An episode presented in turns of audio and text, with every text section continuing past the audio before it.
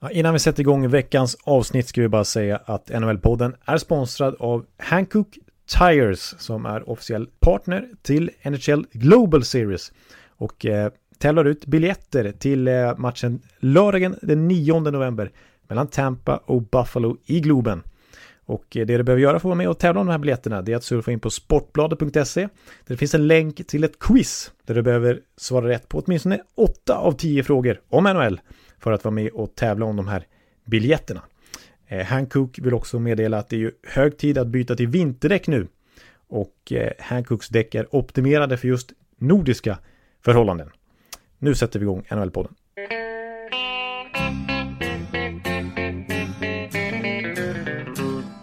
Hello out there, we're on the air. It's hockey night tonight. Tension grows, the whistle blows, and the puck goes down the ice.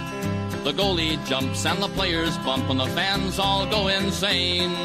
Someone roars, Bobby scores at the good old hockey game. Oh, the good old hockey game is the best game you can name. And the best game you can name is the... Hallå, hallå, hallå, hallå, hallå, hallå, hallå, hallå. Hallå, hallå! Yes, hallå och välkomna till NHL-podcasten med eh, en småförkyld, nästan förkyld, 10% förkyld Jonathan Ekeliv, Ja. ondskan där hemma i Örby just nu. Mm. Och mig då, Per Bjurman i ett eh, grått New York där vi sitter och väntar på att en riktig oktoberstorm ska utbryta idag.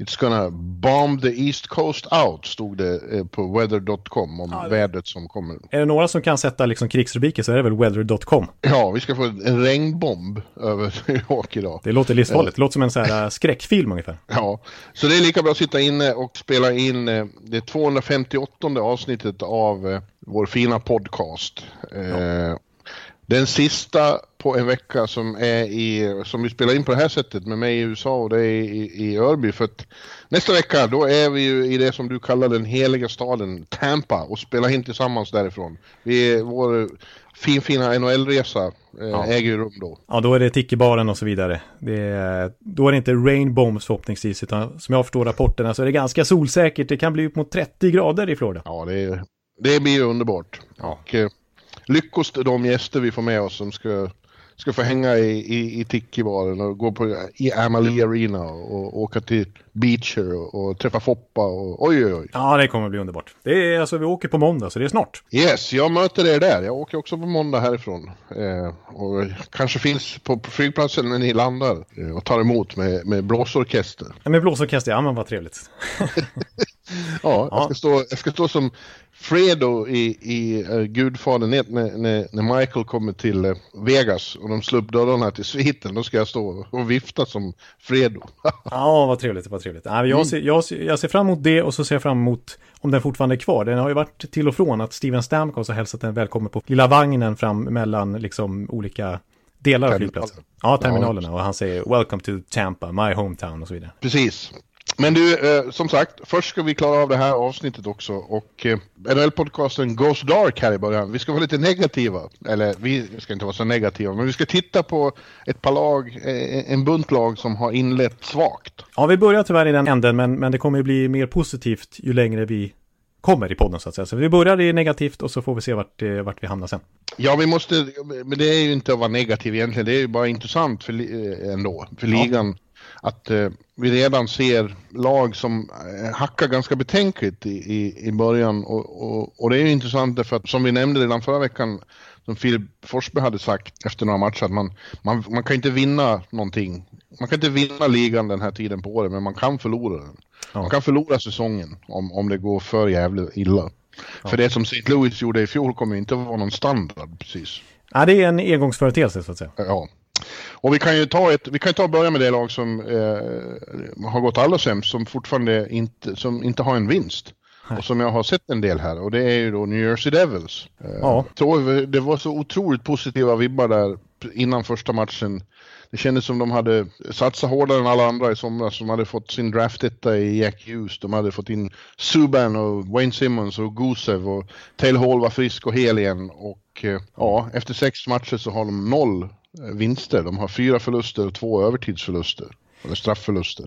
Ja, precis. Och det, jag menar, vi pratade en hel del om dem förra veckan också. Och då hade de ju naturligtvis ingen seger heller. Men då försökte vi ändå vara lite positiva. För vi såg ju, du hade ju sett dem leda med 4-0 där i premiären. Ja. Och jag tyckte ändå se tendensen som var positiva. Det var kul att se laget. Jag tyckte ändå Ljus, trots att han fortfarande är på noll poäng, blixtrar till ibland och man ser vilken potential det finns. Men fortfarande en vecka till nu och fortfarande ingen seger. Och det är ju skräcksiffror på alla möjliga sätt. Målvaktsspelet har verkligen inte funkat för Schneider eller Blackwood. Powerplay, noll mål i powerplay med det här spelarmaterialet. Ja. 57% i boxplay. De är 31 när det kommer till PP-statistik, 31 när det kommer till penalty kill. Så det, det är mörker på alla fronter. Ja, och det, det är ju också eh, rätt så egenartat för att de har ju ett bra lag. Eh, jag skrev en krönika efter senaste matchen om det här att det är ju remarkabelt att ett, ett lysande lag som inte längre kan spela hockey, det kan de ju, men de kan ju inte vinna. Och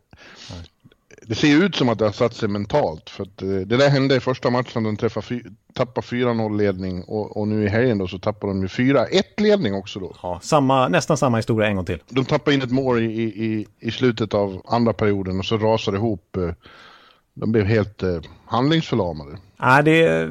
Ja. Och det var mot Florida då, som inte heller har precis rosa marknaden. Vi återkommer till dem. ja. ja, precis. Och det är, nej, precis. Mentalt har det låst sig framför allt, för jag menar spelarmaterialet är det inget fel på. Men det är också så att den som ska trigga igång laget och få fart på sådana här fina pjäser, det är ju han som står i båset. Den annars omtyckte och av Ray Shero hypade John Hines. Mm. Ehm, som ju så sent som förra året när det gick knackigt också, mer väntat med tanke på det spelarmaterialet de förfogade över då, fick en förlängning av kontraktet. Så det är ju verkligen Sheros gubbe, men Ja, men nu är det ju så att tålamod är ingen eh, hårdvaluta i, i den här ligan. Eh, I det här samhället ska vi säga, men i synnerhet i den här ligan. Eh, och fansen har ju inte så mycket tålamod längre. Det har ju börjat rests krav på att han, han ska sparkas och ersättas. Ja. Eh, och det kan inte fortsätta länge till så här. Alltså, så är det ju bara. Något måste i så fall ske. Nej. Eh, problemet är ju att det är inte så att det, det dräller av, av eh, lediga kanoncoacher ute där. Ja, det är det som jag tror kan kanske rädda vissa coachers jobb den här säsongen, att det är sån tunn marknad. Alltså kommer det på något namn som känns jättehett att anställa istället för de tränarna som redan nu finns i NHL? Nej, då måste man ju eh, tänka väldigt out of the box då och ja. ta in någon något kort som, ja, eh, som ingen har tänkt på då. Ja, precis. Det, det kan ju bli succé som Rod Bridamore till exempel. Som kommer lite ja. out of the blue sådär, som gör succé. Men eh, det de här gamla veteranerna, de försvann ju under sommaren här med McLellan och Quenville naturligtvis och så vidare. Ja, eh, Vigneault. Vigneault, Vigneault. Ja, jag har sett att Devils-fansen tänker ju att det finns en connection mellan Shero och Dan Bilesmeyer med tanke på att eh, de ja. två vann i Pittsburgh ihop hela Stanley Cup och, och att Bilesman kanske är mer offensivt utpräglad coach jämfört med Heinz. Eh, som kanske skulle vara mer kompatibelt med det här lagbygget. Men det är inte så lätt att bara sno Bilesman när han är kontrakterad som assisterande i Detroit. Nej, det är ju det också. Några av de namnen som skulle kunna vara det annars, de är ju, de är ju assisterande nu som Mike Joe och... och Therrien. Therrien. Eh, och, och även Phil Housley, liksom. de har ju jobb. Ja, precis. Leffe Bork, ring Leffe Bork. Ja, det är ju Leffe Bork liksom. Ja. Att... Jag tycker de borde få ihop det. Alltså det, det har ju, man har ju sett det också. Det är ju mycket nya komponenter i det här laget och de är väldigt unga. Eh, och därav bland annat den här eh, oförmågan att kunna hålla ihop det när det börjar bära emot lite. Men eh, de har inte heller fått liksom ihop eh, eh lagdelarna hela tiden. Det, det, ser lite, vad heter det? Spretigt. Eh, ja, det sitter inte ihop. Det är som en, en, en led i knät som har gått isär. Liksom. Lite så är det. Ja, precis. Jag tror att det måste, det, det borde vända. Det är en intressant match imorgon. Då är det ju då eh, derby mot eh, Rangers. Just det, den ska du se förstås. Den ska jag se. Konstiga Rangers, eller inte konstiga Rangers utan konstiga deras schema. De var lediga en vecka, spelade i lördags och så har de gått och väntat igen på, ända till den här torsdagen. Vad står de på tre matcher hittills medan vissa lag har spelat sju? Ja. Ja, det är konstigt, konstigt. Men jag har en liten teori kanske om eh, eh varför Heinz inte får det här att flyga. Mm. Eh, och det är, ja men jag, jag, tänker till exempel när de gjorde sån succé 2017-2018 när de ju oväntat gick till slutspel, var otroligt nederlagstippade. Kommer du ihåg då vad de hade för t-shirt som du skrev om i bloggen och som vi pratade om i podden? Det här med ja. New Jersey versus everybody. Ja, precis. Och det, det, var sån, liksom, de var så trötta på att alla dömde ut dem och att ingen trodde på dem och, och vi är bortglömda här ute i Jersey. Alla bryr sig bara om Rangers och i annat fall Islanders kanske, men skiter i Devils. Men nu är det tvärtom. Nu är det hipsterlaget nummer ett nästan den här hösten och alla har pratat om oj vad spännande det ska bli med alla nyförvärv och juice. Och de, det är inte, de är liksom anti-versionen av Lamoriellos gamla strikta bygge. Nu är det det här liksom offensiva, spännande, unga laget. Mm. Men eh, det är ju kanske inte Heinz typ av lag liksom. Eh, han skördar ju framgång med Brian Boyle och när Blake Coleman och Miles Wood hade liksom stora roller i laget. Och, eh, Stefan Mason. Samtidigt, liksom. samtidigt var ju det året när Taylor Hall spelade magisk hockey. Ja, det var hans bästa säsong i karriären. Men det var ju ändå det här hårt jobbande laget. Visst, det skulle vara häftigt att se det här, de här stjärnorna kunna komma ihop som grupp på det viset och jobba så hårt som 17-18-upplagan gjorde. Men det var, jag vet inte om den här liksom, liksom New Jersey vs. Everybody-stämpeln ändå var själva motivationen bakom, medan nu har de förväntningar på sig. Det är en helt annan syn på det här laget och jag, jag tänker mig att det kanske ställer till det lite för hela laget och för Heinz. Ja, ja det, är, det är möjligt att, att uh, han, han, i så fall är han ju verkligen inte rätt tränare för det här lagbygget. Och det borde ju i så fall uh, Shero se. Ja. Även om det är hans kille. Ja. ja, vi får se vad som händer. Men det, ja, det, det man hör från liksom insiders som LeBrun och eh, McKenzie och sådär. Det är ju att han än så länge inte sitter hänger löst utan att eh, det är fortfarande Sheros kille och han förlängde med honom rätt så nyligt och så vidare. Så att Eh, det är ja, först kanske i, men ja, ja men kanske först två, i... Två förluster till, då börjar det koka ut det där. Ja. ja det är redan Rangers, det är det värsta de vet där. Ja. Precis som, som eh, på Islanders, spelar ingen roll om Rangers är där eller inte. Vilka de än möter så är ju ramsan, det visslas någonting och så, Rangers suck. Ja, exakt. ja. Nej, vi får, vi får väl eh, vi får väl avvakta, men det är väldigt oroväckande start ändå. Mm. Det är det ju också för, det är kanske lite mer väntat då. De trodde vi inte på. Någon av oss, inte ens du, trodde på ditt gamla favoritlag Minnesota Wild. Nej. Det har ju också gått riktigt knackigt. De tog i förrgår, efter fyra raka förluster, tog de en, eh, en dyrköpt seger mot Ottawa borta med 2-0. Det var två sena mål som säkrade den ja. segern. Och, och då fanns det väl förhoppningar om att eh, ja men nu kanske det kommer ett lyft. Men direkt så smackade Toronto till dem dagen efter då i en back-to-back. -back. Så de har fem förluster, en vinst. Och vinsten var mot åtta va? Och, och eh, det, är, det har eh, inte, de ser ju, vilket ju Bruce Boudreau då, coachen där, erkände igår, de är för långsamma. Ja, precis. Nej, det är ju det är ju så att den här nya, som jag pratar mycket om, den här nya generationen som ska ta över, som inte är tillräckligt bra, som de har haft en övertro på, precis som de har haft mm. en övertro på sina, sitt gamla garde som har varit kärnan där så länge med Parisi, Suter, eh, Koivu och gänget eh, Eric Stahl och sådär. De börjar bli lite för gamla och trötta och det syns ju nu. Ja, och de här... Och de är inte tillräckligt bra. Fiala har ju varit petad nu och Donato blir ingenting med. Och, och, och, som jag sa förra säsongen, det är ju ett glapp där för det finns ingen buffert emellan dem efter de har trailat bort sådana som Coil och Niederreiter. Precis, den mellangenerationen är ju i princip helt väck. Det är ju bara Zucker kvar, men han ville de ju verkligen skeppa bort också. I alla fall eh, Fenton. Ja. Eh, så att det är ju, äh, det är ingen harmoni där och jag såg till och med Parisi liksom, han nämnde inte på vid namn, men det var i princip öppen kritik mot spelsystemet. Att så här, hur ska vi forwards egentligen agera i uppspelsfasen? Vad är spelidén? Och ja. när sådana typer av citat kommer så vet man ju att ja, då sitter det inte ihop där heller. Han sa igår, Boudreau själv efter matchen, jag önskar jag hade en häxbrygd som gjorde alla snabbare. Men nu har jag inte det. Så mm. vi måste spela tråkigare hockey. Uh, och, och, vi kan ju inte hålla på med en-to-en mot de här speediga lagen. Nej. Men det är ju så att även han sitter ju löst nu då. Uh, nu sa i och för sig Billy, Billy G. Säger ja, Bill, Bill Garin. Jag får sköta uttalet här. Billy Garin sa efter, eh, först så lät det hotfullt när, han fick frågor om eh, Boudreau så sa han ja well, alla utvärderas hela tiden och det låter ju hotfullt. Sen, sen sa han, försökte han låta tålmodig och sa men jag måste ge folk här chansen. Eh, det är de värda så jag vet inte. Eh, men det är ju samma sak där. Några förluster till så då kommer ju något att ske. Precis, för Craig Leipold, ägaren där, han är ju inte en man av tålamod direkt, utan han... Eh, Nej. Så har det alltid varit. Han, han vill ju vinna med det här laget. Så har det varit genom åren och så var det även i Nashville när han till slut gav upp när han var ägare där. Så att han kommer inte acceptera att de ligger i botten, trots att vi alla trodde det inför säsongen. Men det är ju lite synd om Boudreau då, för det är inte, egentligen, grundfelet är inte hans, utan det är den misslyckade general mansion Fentons eh, katastrofår. när han gjorde de här traderna som har lämnat laget i, i, i ruiner. Precis. Eh, och jag vill även peta lite på Chuck Fletcher eh, dessförinnan, men framförallt 15. Han förstörde det ju totalt. Ja, eh, kanske blir som jag trodde inför säsongen att om Boudreau får sparken så kommer ett annat lag sparka sin coach för att ta in Boudreau. Ja. Det kanske Absolut. blir Boudreau i New Jersey. Skulle inte han passa perfekt där? Det är ju en väldigt intressant teori att det, det blir den här Claude Julien-effekten i så fall. Och vi vet ju att det, Boudreau... Det, det, var, det var smartare, det, det, det, det, har du helt rätt i. Det, exakt, jag tror inte bara New Jersey, det är fler som kommer att gå efter honom i så fall. Ja, precis. Och vi vet ju att Boudreau, han har varit arbetslös i totalt typ kanske 17 timmar av sitt yrkesliv. Ja, han ja. hakar på ett nytt jobb så fort han blir av med Han vill inte sitta hemma och, och, och vänta, utan han, han, vill, han vill jobba konstant. Ja. Ja. ja. Vi, kan, vi kan nämna bara också Zuccarello eh, för våra norska lyssnare. Vi har ju några sådana. När jag får prata med ja, norska, de, att eh, Zuccarello har ju haft höra, en kämpetuff... Ja, de vill höra din norska då.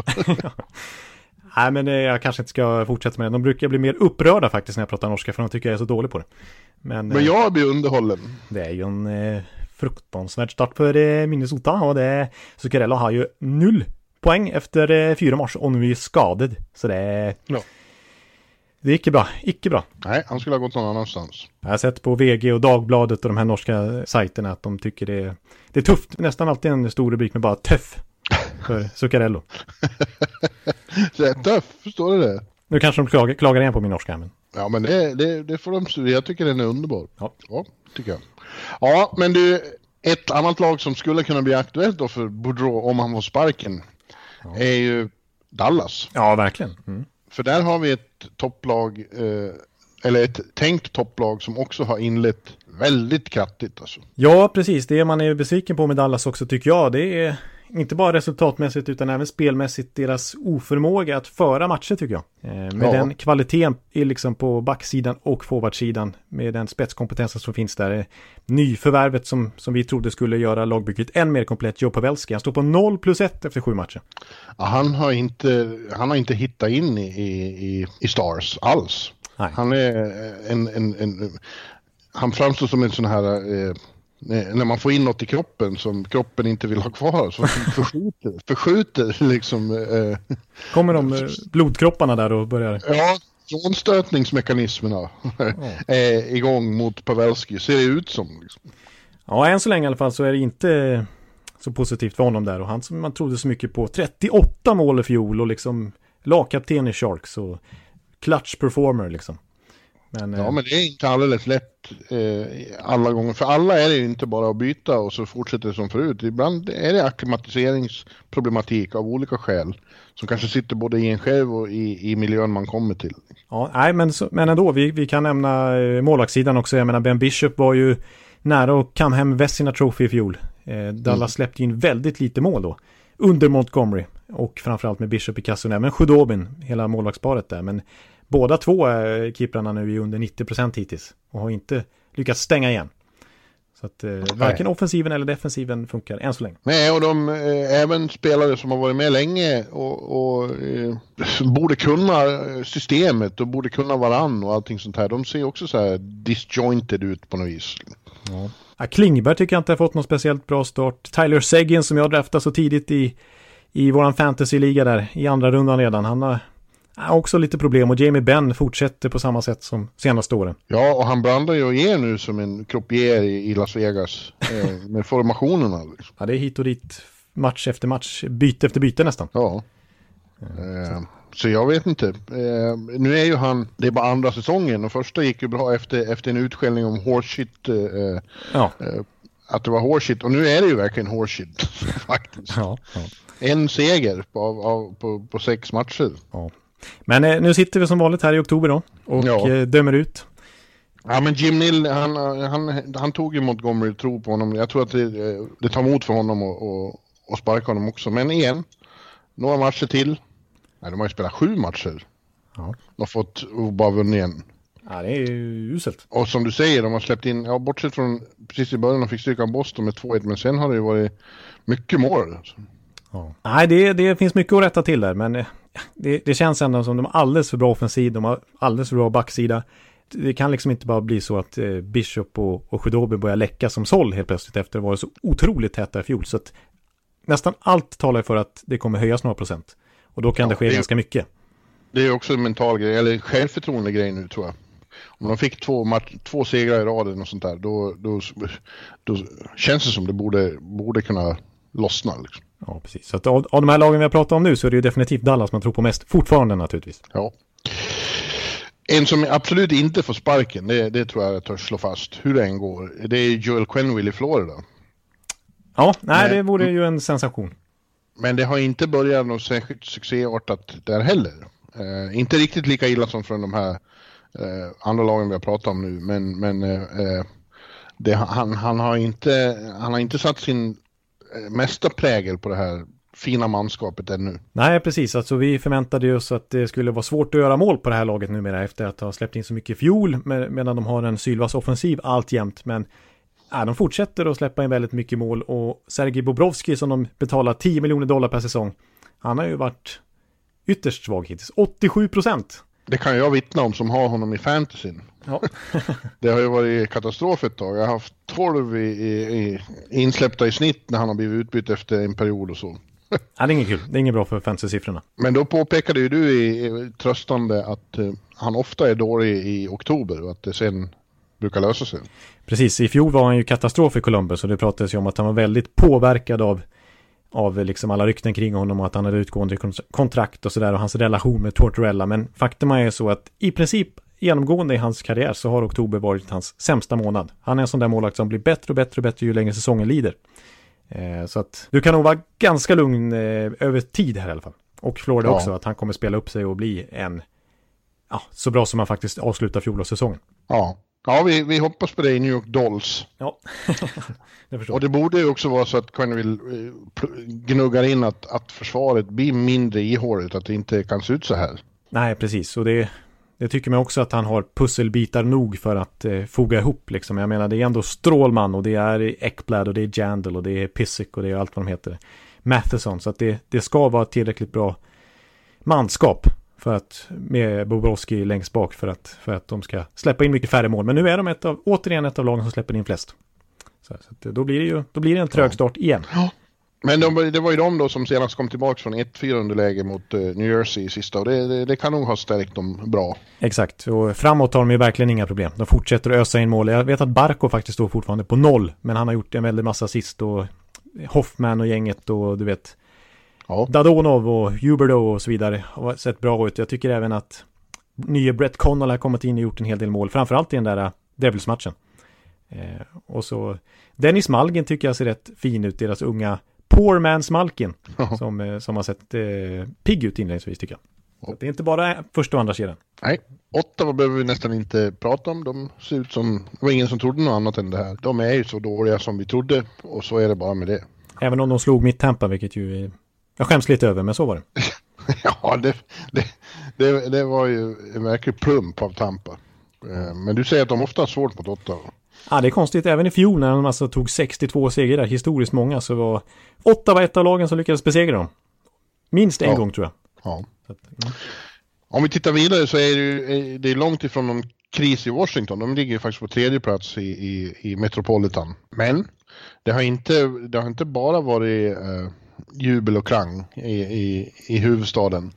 Eh, det har sett, eh, gjort några, det börjar väl helt okej, men de, de har gjort några riktiga eh, mindre inspirerade insatser här på slutet. Som mot Colorado till exempel, som vi kanske kommer in på, där det var 0-4 efter första perioden. Och Vi inte bara kanske kommer in på Colorado, vi kommer in vi på kommer in på Colorado, så det kommer vi garanterat göra. Ja, precis. Nej, Ja. men, eh, ja, nej, men det är ju naturligtvis så att Braden Holtby som har ögonen på sig den här säsongen nu, han har utgående kontrakt och eh, Capitals kanske har lite klent om löneutrymme över tid här. Jag menar, både Emil Bäckström ska ju ha nytt kontrakt. Vi ska komma ihåg att Ovechkins går ut om bara två år också. Så Ja. att, eh, och Holtby, han är över 30 år nu och har inlett den här säsongen med 84% i räddningskolumnen. Ja, han har varit dålig. Ja. Eh, De hoppas mer, de använder ju oftare och oftare han, Samsonov va?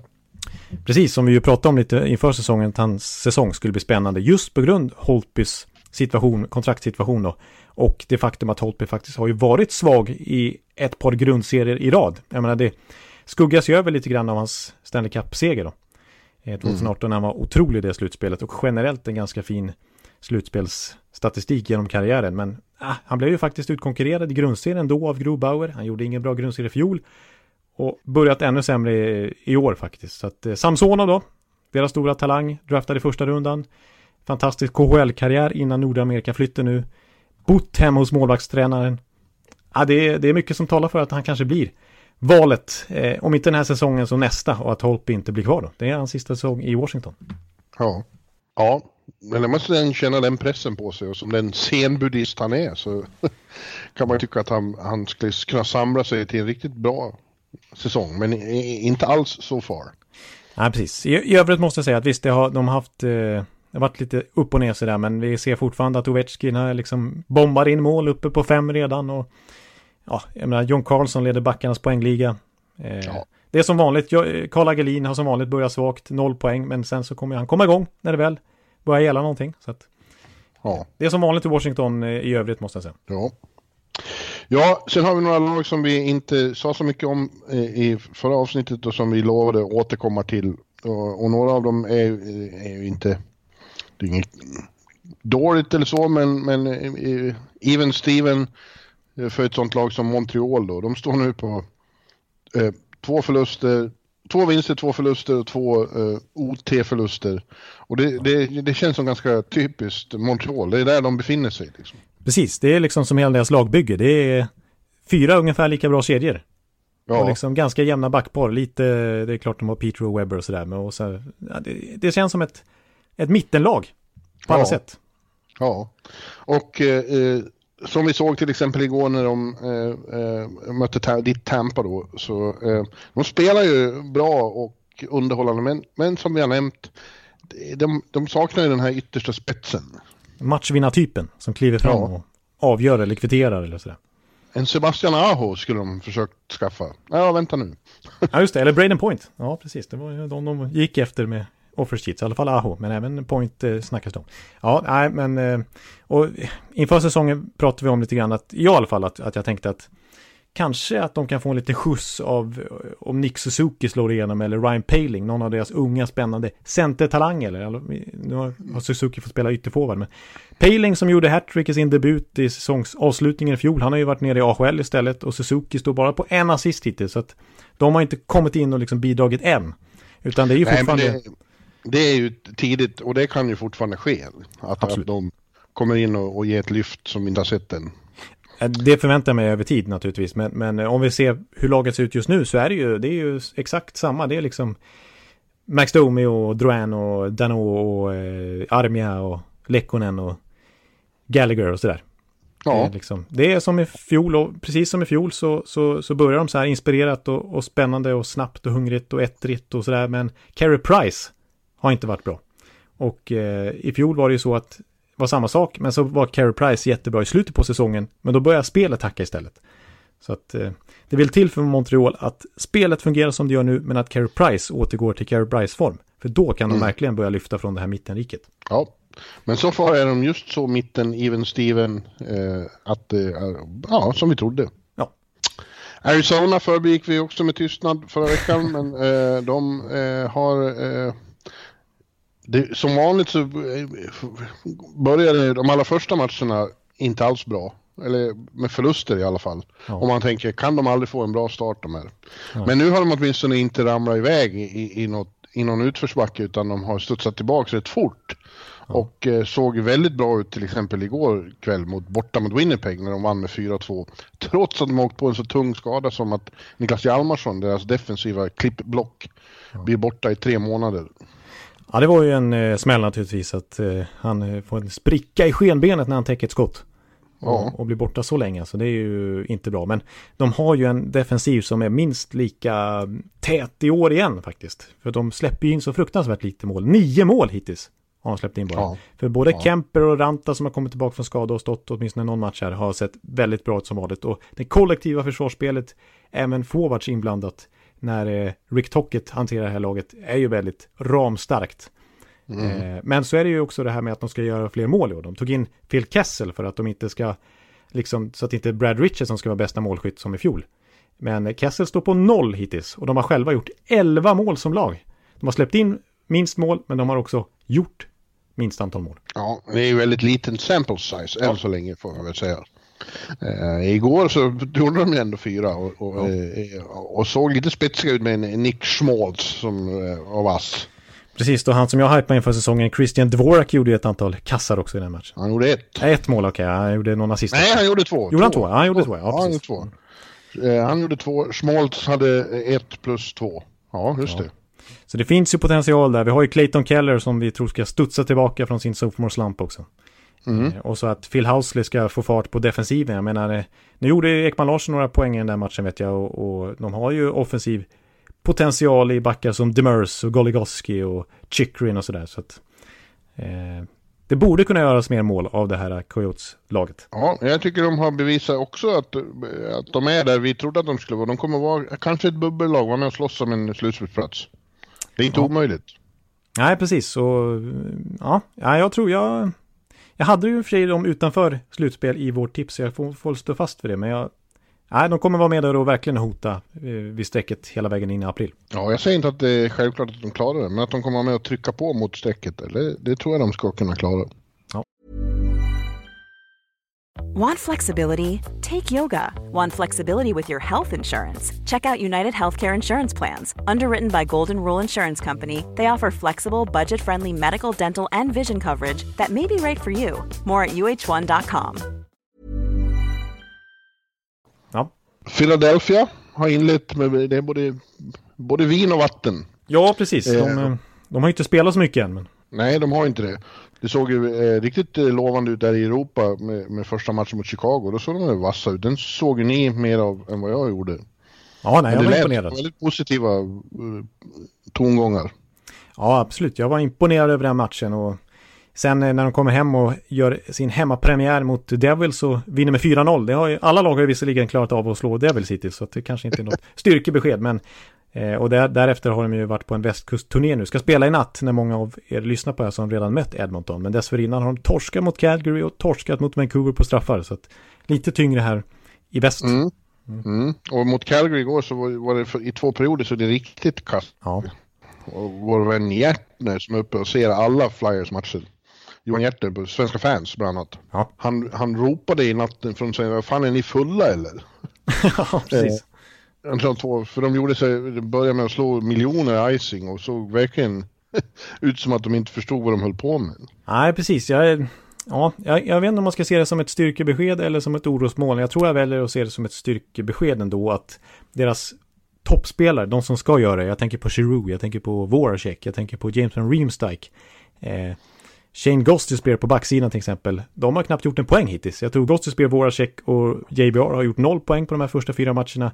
Giroud som jag har mitt fantasylag, han har gjort 0 plus 1. Så att det är ju egentligen, det är ju andra kedjan den som Couturier spelar i nu. För den kedja som han centrar är ju alltid bäst. Jag menar, han fick ju fart på Girouds karriär igen när, när de började spela ihop.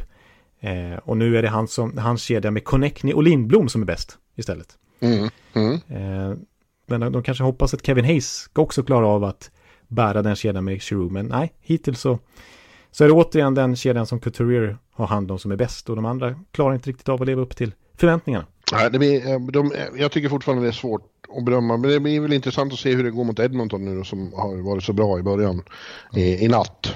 Uh, så får vi återkomma till Flyers. Vi, vi kan ju konstatera dock att uh, Carter Hart när han har stått har sett, det har ju sett lovande ut att de har en riktig målis. Ja, precis, exakt. Så för, förutom Couturier som jag nämnt här nu så är ju Carter Hart deras Hart-kandidat hittills. Ja, han, är ju, han har ju verkligen stängt igen kassen och gjort några riktiga highlight real saves också. Förutom att han ser allmänt trygg och lugn ut. Ja. ja, nu blir det mer och mer positivt ju längre in i det här programmet vi kommer. Ja. Eh, jag vet inte vad, eh, vi kan ju, du nämnde i förbigående att, de att Philadelphia fick stryk mot Vancouver. Nu har Vancouver vunnit tre raka hemmamatcher.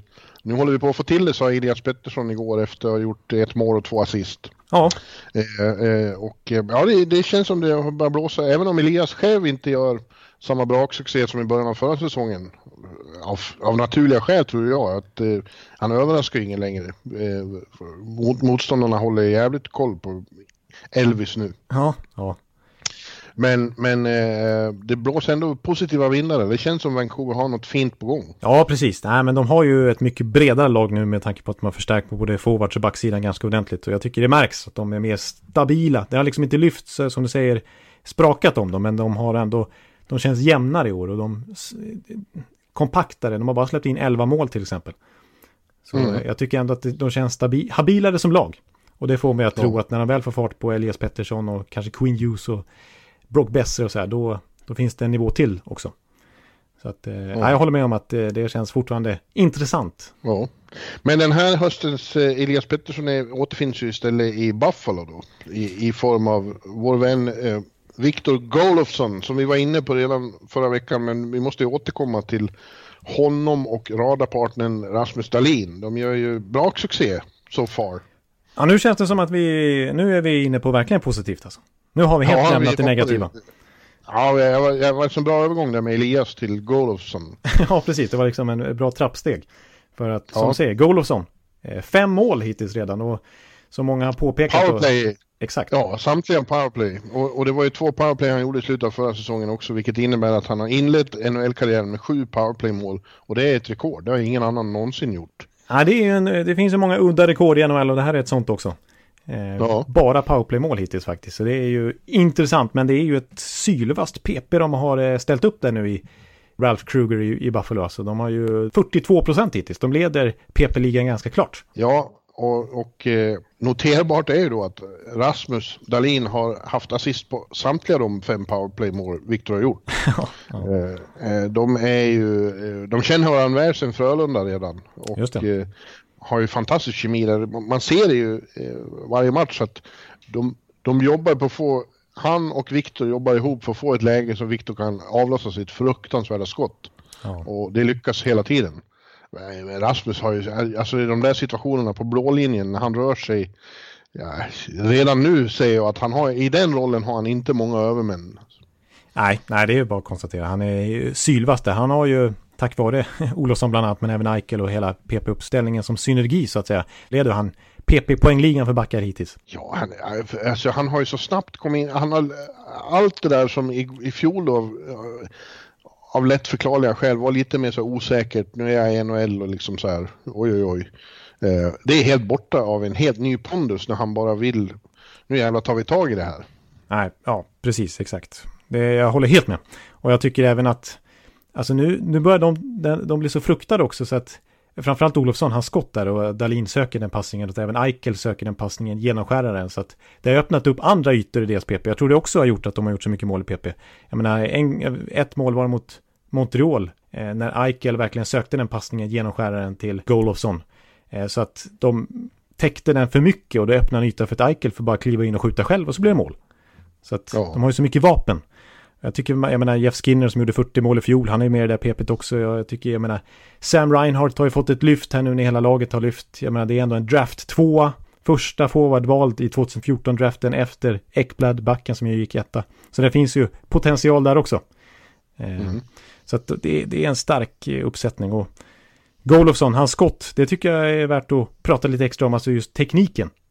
Faktiskt. Mm. Eh, för det som jag tycker är lite intressant när man ser, han avlossar sin bössa där, det är ju dels som vi pratade om förra veckan, att han är leftare, man är inte van att se svenskar och, och, och leftare överlag stå och bomba direktskott. Liksom. Eh, men om man, jämför, om man jämför med andra som står och bombar direktskott, rightare i så fall, om man tänker på både Stamkos och Ovechkin, så tänker jag på att de har en väldigt hög backswing när de skjuter. Ja. Och bara, har inte han med. Han har inte det. Han, har, han lyfter ju klubban till midjehöjd max. Mm. Och sen dunkar han iväg den. Eh, det är teknik det, Jonathan. Det är teknik det, precis. Och han har också eh, väldigt mycket flex i klubban. Eh, till skillnad ja. från till exempel Ovechkin, han byter ju till en, sten, en klubba med stenhård flex när han ska skjuta slagskott liksom. Medan i, i Olof, Olofssons fall, Olofsson höll jag på att säga, när han skjuter så är det liksom, det är nästan som ett dragskott, eller ett handledsskott fast direktskott. Ja. Och jag vet att Carter Hutton, målakten, han pratade om det liksom, hans release, att det är en konstig puckbana också för målakten. För han har svårt att rädda skotten på träningen när Olofsson skjuter. För att eh, det kommer i någon så onaturlig bana. Den, den, kan liksom bara plötsligt dyka pucken precis framför, framför kassen. Och den kan, eller så stiger den helt plötsligt. Eh, det, ja. det, är något konstigt med hans snärt liksom. Han skruvar, han skruvar som Beckham. Ja, på något sätt. Ja, exakt. Och han tänker liksom om, om jag har svårt på träningar oskymd liksom, hur är det då för, för keeprar när det är matchsituation och det står tre pers framför dem liksom? Då är det omöjligt att fånga upp puckbanan. Så ja. det är verkligen ett vapen där alltså. Jag såg att han sa i intervju med, med, med Sjöberg där på Hockey News, eh, ja. som har varit uppe i Buffalo, att han, ja det var ju kul det här med rekord, men han är missnöjd med att det bara har varit powerplay-mål. Han vill få igång 5 mot 5 produktionen också. Precis, han står ju ändå på noll eh, mål i, i 5 eh, mot 5 och jag kollar upp hans underliggande siffror är inte så imponerande. 40 46% i corsi, alltså skottförsök fram och tillbaks. Och man tar expected goals eh, utifrån kvaliteten på målchanser så här som skapas före mot när man är inne på isen så ligger som bara på 42 procent. Ja, att... men det var han ju medveten om och vill eh, komma igång med det också. Och när han kommer igång med det också. Ja. Oj, oj, vad händer då? Vad händer då? Ja, precis. För att eh, redan nu så ser det ut som att han är liksom yppersta världsklass i, i PP i alla fall om vi ska utgå från de här första matcherna. Men även, vi har ju varit inne på det så mycket, hur mycket han har utvecklats senaste åren, vinner skytteligan i SHL, öser in mål i AHL. Eh, det var ett naturligt steg nästan som kommer nu att, att det även funkar på NHL-nivå. Ja. Eh, kan det vara så att han blir vår första 40-målsskytt eh, sen Daniel Sedin 2011? Nej. William Karlsson gick över 40. Ja just det, han gjorde 43 här. Det var ju han som, som, som var som slog Sedin. Nu glömde jag bort Wild Bill som står på noll mål bara för det hittills den här säsongen. Men ja, det var, det var taskigt mot, mot William. Eh, ja. Men om vi säger så här då, nej, vi, vi ska inte hålla på och prata Håkan Loob och 50 mål. Det, det, det är bisarrt efter, efter några veckor här på NHL-säsongen. Men... Keep your shirt on, Ekeliv. Ja, tack. De är, ju, de är ju fortfarande lite så här försiktiga i Buffalo. De tycker att det ser bättre ut än det har gjort på väldigt länge. Men eh, efter fjolåret när de tog sina tio raka och ändå brakade ihop sen så är det försiktig optimism i Buffalo. De, är, de vet att det finns inga garantier att det här fortplantar sig genom hela säsongen. Nej, precis. Nej, men det är ju helt rätt inställning för dem där. För att det var ju en eh, monumental, en kollaps monumentale. Så att eh, det, det får inte återupprepas. Nej. Nej. En annan svensk som det har gått bra för på slutet eh, på, på, på, ett eh, väldigt eh, eh, hjärtevärmande sätt får man väl säga. Det är Andrei Burakovsky. Mm. I, I ett succéartat Colorado. De är nu enda obesegrade laget i ligan. De har spelat fem matcher och vunnit samtliga fem. Och ja. eh, Lillburra då har avgjort två av de matcherna. Eh, ja. En, en gjorde han matchavgörande under ordinarie matchtid och sen så satte han ju ett väldigt fint övertidsmål också. Ja, det var, jag tycker det var riktiga klassmål han har gjort. Ja, det har det verkligen. Det var solouppvisningar. Liksom. Precis, det är ju på egen hand liksom. Dels ja. övertidsmålet framförallt är väl det som sticker ut som har rullats om och om här under veckan. Men också det där målet han gjorde mot Boston var det väl. När han eh, drar, upp ja. den i, drar upp den i krysset från långt håll efter en liten solouppvisning dessförinnan. Så att, eh, riktigt, riktigt, riktigt eh, trevligt för Burra. Ja, eh, och jag pratade med honom efter ja, den första matchen mot Boston där. Mm. Eh, då, ja, han, han eh, har väldigt positiv känsla i, i den. Han, han tycker att det känns som den nystart eh, han hade hoppats på liksom, eh, när han bytte mm. klubb. Mm. Eh, han har kommit in bra och, och, och han tycker det, eh, de spelar jävligt rolig hockey. Eh, han, är, han, är tag, han var direkt tagen av det tempo de håller även på träningar. Fruktansvärt snabbt lag. Så. Ja. Eh, och riktigt så har det inte varit i Washington. Det är inte framförallt med sin speed de har, har tagit världen. Nej, det är ju mer tyngden eller liksom Ja, explosiva, ja, ja, explosiva. Explosiva och individuell kvalitet liksom. Mm. Ja, nej men det, det, det är häftigt. Och han har ju funnit sig väldigt bra i den andra kedjan som komponerades när JT Comfort gick sönder. För att det var ju faktiskt så att han var en liten besvikelse, Burakovsky, tyckte fansen och lokalmedia under försäsongen han fick spela med, eh, när Rantanen var borta. Han fick faktiskt spela i första kedjan med McKinnon och Landeskog. Ta, ta den här försäsongen och stoppa upp den någonstans. Det betyder ja. ingenting. Nej, precis. Men det gjorde att han fick börja i tredje kedjan.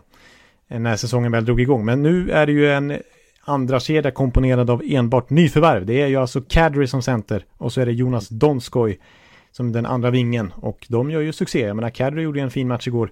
Häromnatten också när de slog Burras gamla lag Washington med hela 6-3. Ja, när Burra fick en lång videohyllning eh, och stående ovationer han är populär den charmige skåningen. Ja, ja absolut. Han, är, eh. han tog ju verkligen till sig Washington där och är ju superpolare med naturligtvis med en massa spelare i laget och med fansen och han, allt han har gjort med Children Hospital och så vidare där borta. Att... Ja. Ja, nej. de ser ju överhuvudtaget jävligt bra ut, Colorado, det får man lov att säga. De har också bekräftat den här bilden av att för första gången sedan den stora eran med Sakic och Foppa så, så är de en contender nu. Det, jag, jag törs slå fast det. Jag törs inte slå fast att de går till final eller så, men, men de hör ju till lagen som kan som har kapaciteten. Och, det finns ju så mycket mer. Den första kedjan, den vi vet, kallar världens, en av världens bästa, den har inte riktigt kommit igång på samma sätt som i fjol med produktionen.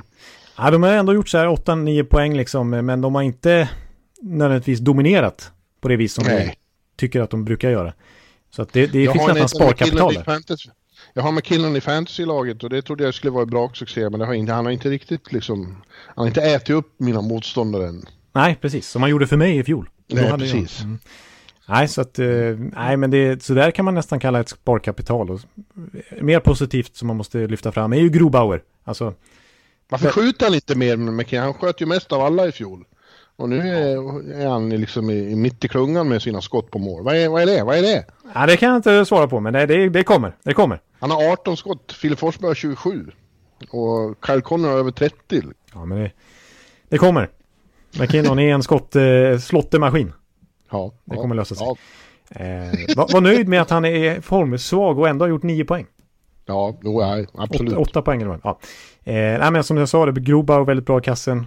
Eh, sen har jag förstå, förstått att Frank Kors... Det, sa jag... Inte jag, det sa inte jag, det har inte jag sagt något om. Ja, men jag, jag sa det. Jag sa det. Ja, men du sa som du sa, sa du. Ja, så, oj då. Ja, du ser, jag, är, jag lägger ord i munnen på det. Ja. Men eh, jag kan i alla fall säga att jag alltid har sagt Fran Frankouch om, eh, om eh, den tjeckiske backupmålvakten där som, som vi pratade om lite inför säsongen, hur han ska hålla måttet. Eh, den gamla KHL-keepern som var AHL i fjol och stått i tjeckiska landslaget och är, är faktiskt lika gammal som jag. Han kom ju över som, till NHL som 28-29-åring. Mm. Eh, det ska uttalas fransos. Jaha. Så vet okay. vi det. Precis som alla andra tjeckiska namn. De heter ju bara så här Peter Tjeck och ja. Pavle Fran Fransos. Eh, Thomas Slovak. De har nationaliteter som efternamn. Ja, just det. En intressant parentes hör du. Ja, ja det är väldigt viktigt. Nej, och men som jag, som jag däremot hade tänkt att säga om den andra kedjan är också att eh, äh, eh, Nassim Kadri känns som en, en äh, otroligt viktig pusselbit för dem att de har fått in en, en andra center av den kalibern. Ja, precis. Nej, det är ju en, det är ju verkligen en jättebra andra center och jag menar i fjol i Toronto så fick han ju nöja sig med att vara tredje center och då går ju produktionen och snacket om honom ner lite grann men dessförinnan var ju andra center i Toronto gjorde 30 mål, två eller om det var till och med tre säsonger i rad. Ja, men, och så hackar man på honom för att han ofta i slutspelet ställer till med så dumma saker.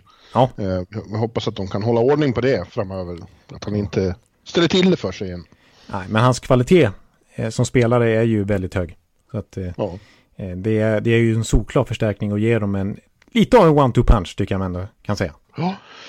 Du, vi har ett till lag som vi inte nämnde förra veckan som har varit en mycket, mycket positiv överraskning i början. Eh, och det är ju Ankleven från Anaheim. Just det. De har gjort det ytterligt fint här ute på roaden för det mesta. Ja, precis faktiskt. Grejen är att de öppnar ju ännu bättre i fjol, det glömmer man bort. Då hade de efter sex matcher 4-1-1 och nu har de 4-2-0. Men den stora skillnaden mot i fjol, det var som jag var tvungen att liksom kolla upp siffermässigt för att få bekräftat. Det var att då var det Gibson som räddade dem hela hösten liksom, som höll dem flytande. Ja, precis. Men, eh, och för deras underliggande siffror var ju fruktansvärda, klart sämst i NHL. Till exempel Course efter de första sex matcherna då var nere på 39 procent. Det finns inget lag i NHL som har så lågt i den här hösten, inte ens New Jersey till exempel. I år är det nästan 50 procent, 49, någonting. Så att de har verkligen lyft sitt spel med Ikins. Och dessutom är Gibson minst lika bra som i fjol. Så att då blir det ju, då ser det ju bra ut. Ja, och när Miller kom in så var han bra också. Exakt. Så det borde vara mer sustainable, så att säga. Ja, eller hur? Det borde det. Och man, man har ju svårt att inte se det som en, en, en Dallas Ikins-effekt. Ja. Eller rent av en frånvaron av Randy Carlisle-effekt. Ja, det kanske är faktiskt bättre. Man kanske inte ska bara ska lägga all cred på Ikins. Nej, nu, nu har pratat så mycket elakt om, om Carlisle så kanske får sluta börja likna mobbing av, av gamle Randy. Mm. Men han var ju en misslyckad coach. Han var inte gjord för den här eran. Eh, och eh, jag tror att spelarna bara känner en enorm eh, som positiv feeling bara av att eh, inte ha honom där. Nej, nej precis. Det, så är väl min känsla också. Eh, och Ikins är ju en helt annan person Eh, Ja. Han är nästan helt åt andra hållet. Han är ju väldigt sådär energisk och, och vill, vill framåt och liksom är ganska, vad ska man säga, futuristisk i sin coachstil. Han är väldigt noga med kost och med liksom, eh, ja men lite oväntade grejer. Eh, som han Ja, han är lite Ralph Kryger light också i, i, i relationen till människor. Liksom. Ja. Som, eh, som vi säger så om Buffalo, han är ju mer livscoach än hockeycoach. Liksom. ja, precis. Och det, det håller alla spelare i Buffalo med om, att de, ty, de tycker att han har skapat en enorm stämning där. Precis, och det kan man ju inte säga att den stilen höll ju inte Carlisle direkt, utan det var ju tvärtom. Så eh, det, det är bara en sån sak för naturligtvis för Anaheim, bara rent mentala. eh, Är ju en stor skillnad. Nej, men jag tror lite på de har fortfarande ganska problem med målskytte. Bara gjort 13 mål trots den här fina starten. Men eh, om vi, när vi pratar att McKinnon har skjutit 18 skott så kan vi säga att till exempel Rakell har skjutit 23 redan. Så Ja. att, det, det börjar, min, min teori om att han ska ha en bättre säsong än i fjol ser lovande ut tycker jag. Ja, jag skulle precis säga det. Du pratade ju mycket om att det, det blir en... eh, Rocket Ricky kommer att studsa tillbaks och eh, det känns redan som att han har börjat göra det. Ja, precis. Nej, det är lösare tyglar i, i Anaheim nu och det kommer nog rassla till ganska mycket mer framåt i målkolumnen för alla möjliga spelare. Eh, Ondrej Kase till exempel har jag lite förhoppningar på. Så att, nej, eh, ett betydligt roligare lag att följa i år. Och förmodligen mycket jämnare. Mm. Ja, har du något mer på hjärtat du vill, du vill lätta här i, i denna onsdag? Ja, nej men vi har väl gått igenom det mesta vi hade, vi hade planerat att vi skulle eh, liksom komma in på. Men vi kan väl ta, vi kan väl ta Pasternak också då. Bara för att han gjorde så mycket mål här om natten. Ja, Boston är ju... De är... Det, fortsatt intryck av att de bara fortsätter spela från finalen. De är fortfarande ute för att hämnas förlusten i Game 7 i finalen. Ja, de känns ju oerhört, oerhört bra. De spelar på en annan nivå än motståndarna. Liksom Ja. från start, från första nedsläpp så känns det som att de är inne i ett annat mindset nästan. Ja, Och, och mycket smartare liksom i, sitt, i sättet att agera. ja och Pasternakan när han är på det där humöret som han var när han gjorde fyra mål. Då är det ju en, en av världens största hockeyartister. Ja, det är han faktiskt. Han är ju oerhört underhållande och oerhört bra. Ja, Alltså. effektiv. Ja, han är ju en, ja precis, en superviktig del i den mördande första kedjan. Ja, Liksom. ja det är han. Det är ju bara att konstatera. Och sen är det som jag tycker att vi kanske blundar lite för i alla fall jag när vi pratar om eh, vilka som kan vinna skytteligan i år. Så var det några som påpekade inför säsongen att glöm inte bort Pasternak. För att får han vara hel en hel säsong så kan det verkligen smälla till i år. Jag menar i fjol gjorde han faktiskt 38 mål. Vilket ju inte räckte naturligtvis till en skytteligaseger. Men det var bara på 66 matcher. Så ser man till mål per 60 spelade minuter så var han över Ovechkin som gjorde 51 mål. Ja. Så att blir det 82 matcher på Pasternak i år, då kan det bli 50 mål från hans klubba. Och jag menar, han går in i sin prime nu också, han är bara 23 år. Jag menar, vi jag har sett någon graf på här att i dagens NHL så ligger primen kring 23 till 26. Och det är där, precis där som Pasternak ska kliva in nu. Men det, är, men det är just det där också, att hålla sig, ska man, ska man vara med där i toppen av de där ligorna så måste man hålla sig hel. Liksom. Man får inte bli skadad och, och just därför var det rent deprimerande igår att se att eh, Filip Forsberg först gör sitt femte mål i sjätte matchen och man tänker det här snittet, nu kan han äntligen spränga 40 vallen Filip, vilket han borde liksom. Ja, vad händer? Då går han sönder och nu vet man inte hur allvarligt det är med honom. Nej, när vi spelar in det här så vet vi ingen prognos, utan det är, vi vet bara att han klev av den matchen. Ja, det var, det var tråkigt. Och det är ju synd alltså, för det är som du säger, han har ju snittat liksom över 40 mål ett par gånger nu, men har aldrig kommit upp i den här siffran med tanke på att han missar ju 20 matcher per säsong. Ja, och, det, och det, det, då blir det besvärligt.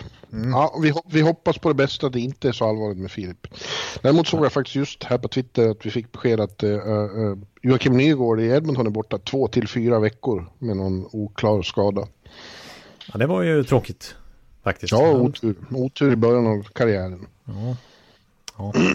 ja. Nej, men eh, ja, Pasternak som sagt eh, ändå värd att, att lyfta fram som en Morris Rocket Richard Resard. Re, nej, nu missar jag uttalet totalt. Ja, som en skytteligavinnare i alla fall. Ja. Ja, men hur du Ekeliv, du får väl ta och klippa ihop det här. Ja. Eh, pa- packa väskan och så ses vi i eh, Tampa, Florida nästa vecka. Den heliga staden ska vi se, så vi ska... Hur mycket, hur, mycket, hur mycket darrar du inombords för att du ska till Tampa och se Lightning mot Pittsburgh och Lightning mot Nashville? Ja, Alltså det är, jag, jag, jag tycker det är för bra för att vara sant. Så jag kan liksom inte, jag kan inte greppa det än. Utan jag, jag, jag kommer inte förstå det förrän vi sitter på planet. Alltså det är helt Du- sjukt. Du och P och våra 20 gäster på planet över. Först till Frankfurt och sen till raka vägen till den heliga staden. Ja, exakt. Ja, det, det, det, det är fantastiskt. Ja, jag ser oerhört mycket fram emot eh, den veckan. Och att det faktum att vi ska sitta och spela in en podd där borta. Ja, Eh, då. kommer, du, kommer du att ta med dig eh, tröjor och sjalar och sånt? Ja, vi får se hur mycket julgran jag kommer vara. Hur mycket jag vågar vara där liksom. Eh, men eh, Vågar det Jerka vara det så vågar väl du? ja, det, det, det får jag väl göra. Eh, så att eh, ja, det kanske blir min signerade palatströja som åker på. Första gången jag träffade dig i Tampa, det var ju första gången jag träffade dig överhuvudtaget. Det. Ja. Då var det ju verkligen julgran där. Med keps, sjal och uh, jersey. Marty St. Louis-tröja vet du. Mm. Ja, och vad då du satt och hånade Henke Lundqvist också. Ja, jag satt ju där och eh, tillsammans med alla andra Lightning-fans och skrek Lundqvist, Lundqvist. Ja. Sen blev jag hånad av några norrmän som eh, satt bredvid när eh, Zuccarello gjorde massa mål och, avgjorde den matchen. Så att jag fick tillbaks. Så kan det gå. kan det Ja, jag tycker du ska ta med grejerna och, och imponera på våra gäster med, med din samling eh, Tampa-grejer. Du ska inte sitta på pressläktaren, du ska sitta med dem. Nej, exakt. Jag kommer sitta som en eh, vanlig, som en vanlig supporter helt enkelt. Ja, ja men du, eh, då ses vi där helt enkelt. Ja, det gör vi. Och eh, vi, vi hörs då allihopa också. Från Tampa helt enkelt med, med nästa podd. Avsnitt nummer 259 kommer därifrån. Yes. Då säger vi så för den här veckan. Ja, det gör vi. Hej! Hej! Hallå, hallå, hallå. Hallå, hallå, hallå. Alex Chiazot, Joe Luis Arena och Esposito. Esposito. Uttalsproblem, men vi tjötar ändå. Och alla kan vara lugna, inspelningsknappen är på. Bjuder Hanna Kohl, han är grym i sin roll. Från korrespondenten har han fullständig kontroll på det som händer och sker. Det blir ju allt fler som rattar in hans blogg. Och lyssna på hans podd. One, two, punch, speed, so Hallå, hallå, hallå. One, two, punch, speed, so Hallå, hallå, hallå. Ekeliv, som är ung och har driv. Verkar stor och stark och känns allmänt massiv. Han hejar på Tampa och älskar Hedman. Sjunger som Sinatra. Ja, det ser man. Nu är det dags för refräng. Dags för magi, Victor Norén. Du är ett geni. Så stand up at home and remove your hats. Höj volym, för nu är det plats. One, two, punch, speed, so Hallå, hallå, hallå. One, two, punch, speed, so Hallå, hallå, hallå. One, two, punch, speed, so Hallå, hallå, hallå. One, two, punch, speed, so Hallå, hallå, hallå. Det är otroligt länge sedan båda samtidigt var så här bra. Hallå, hallå, hallå. Det är otroligt länge sedan båda samtidigt var så här bra.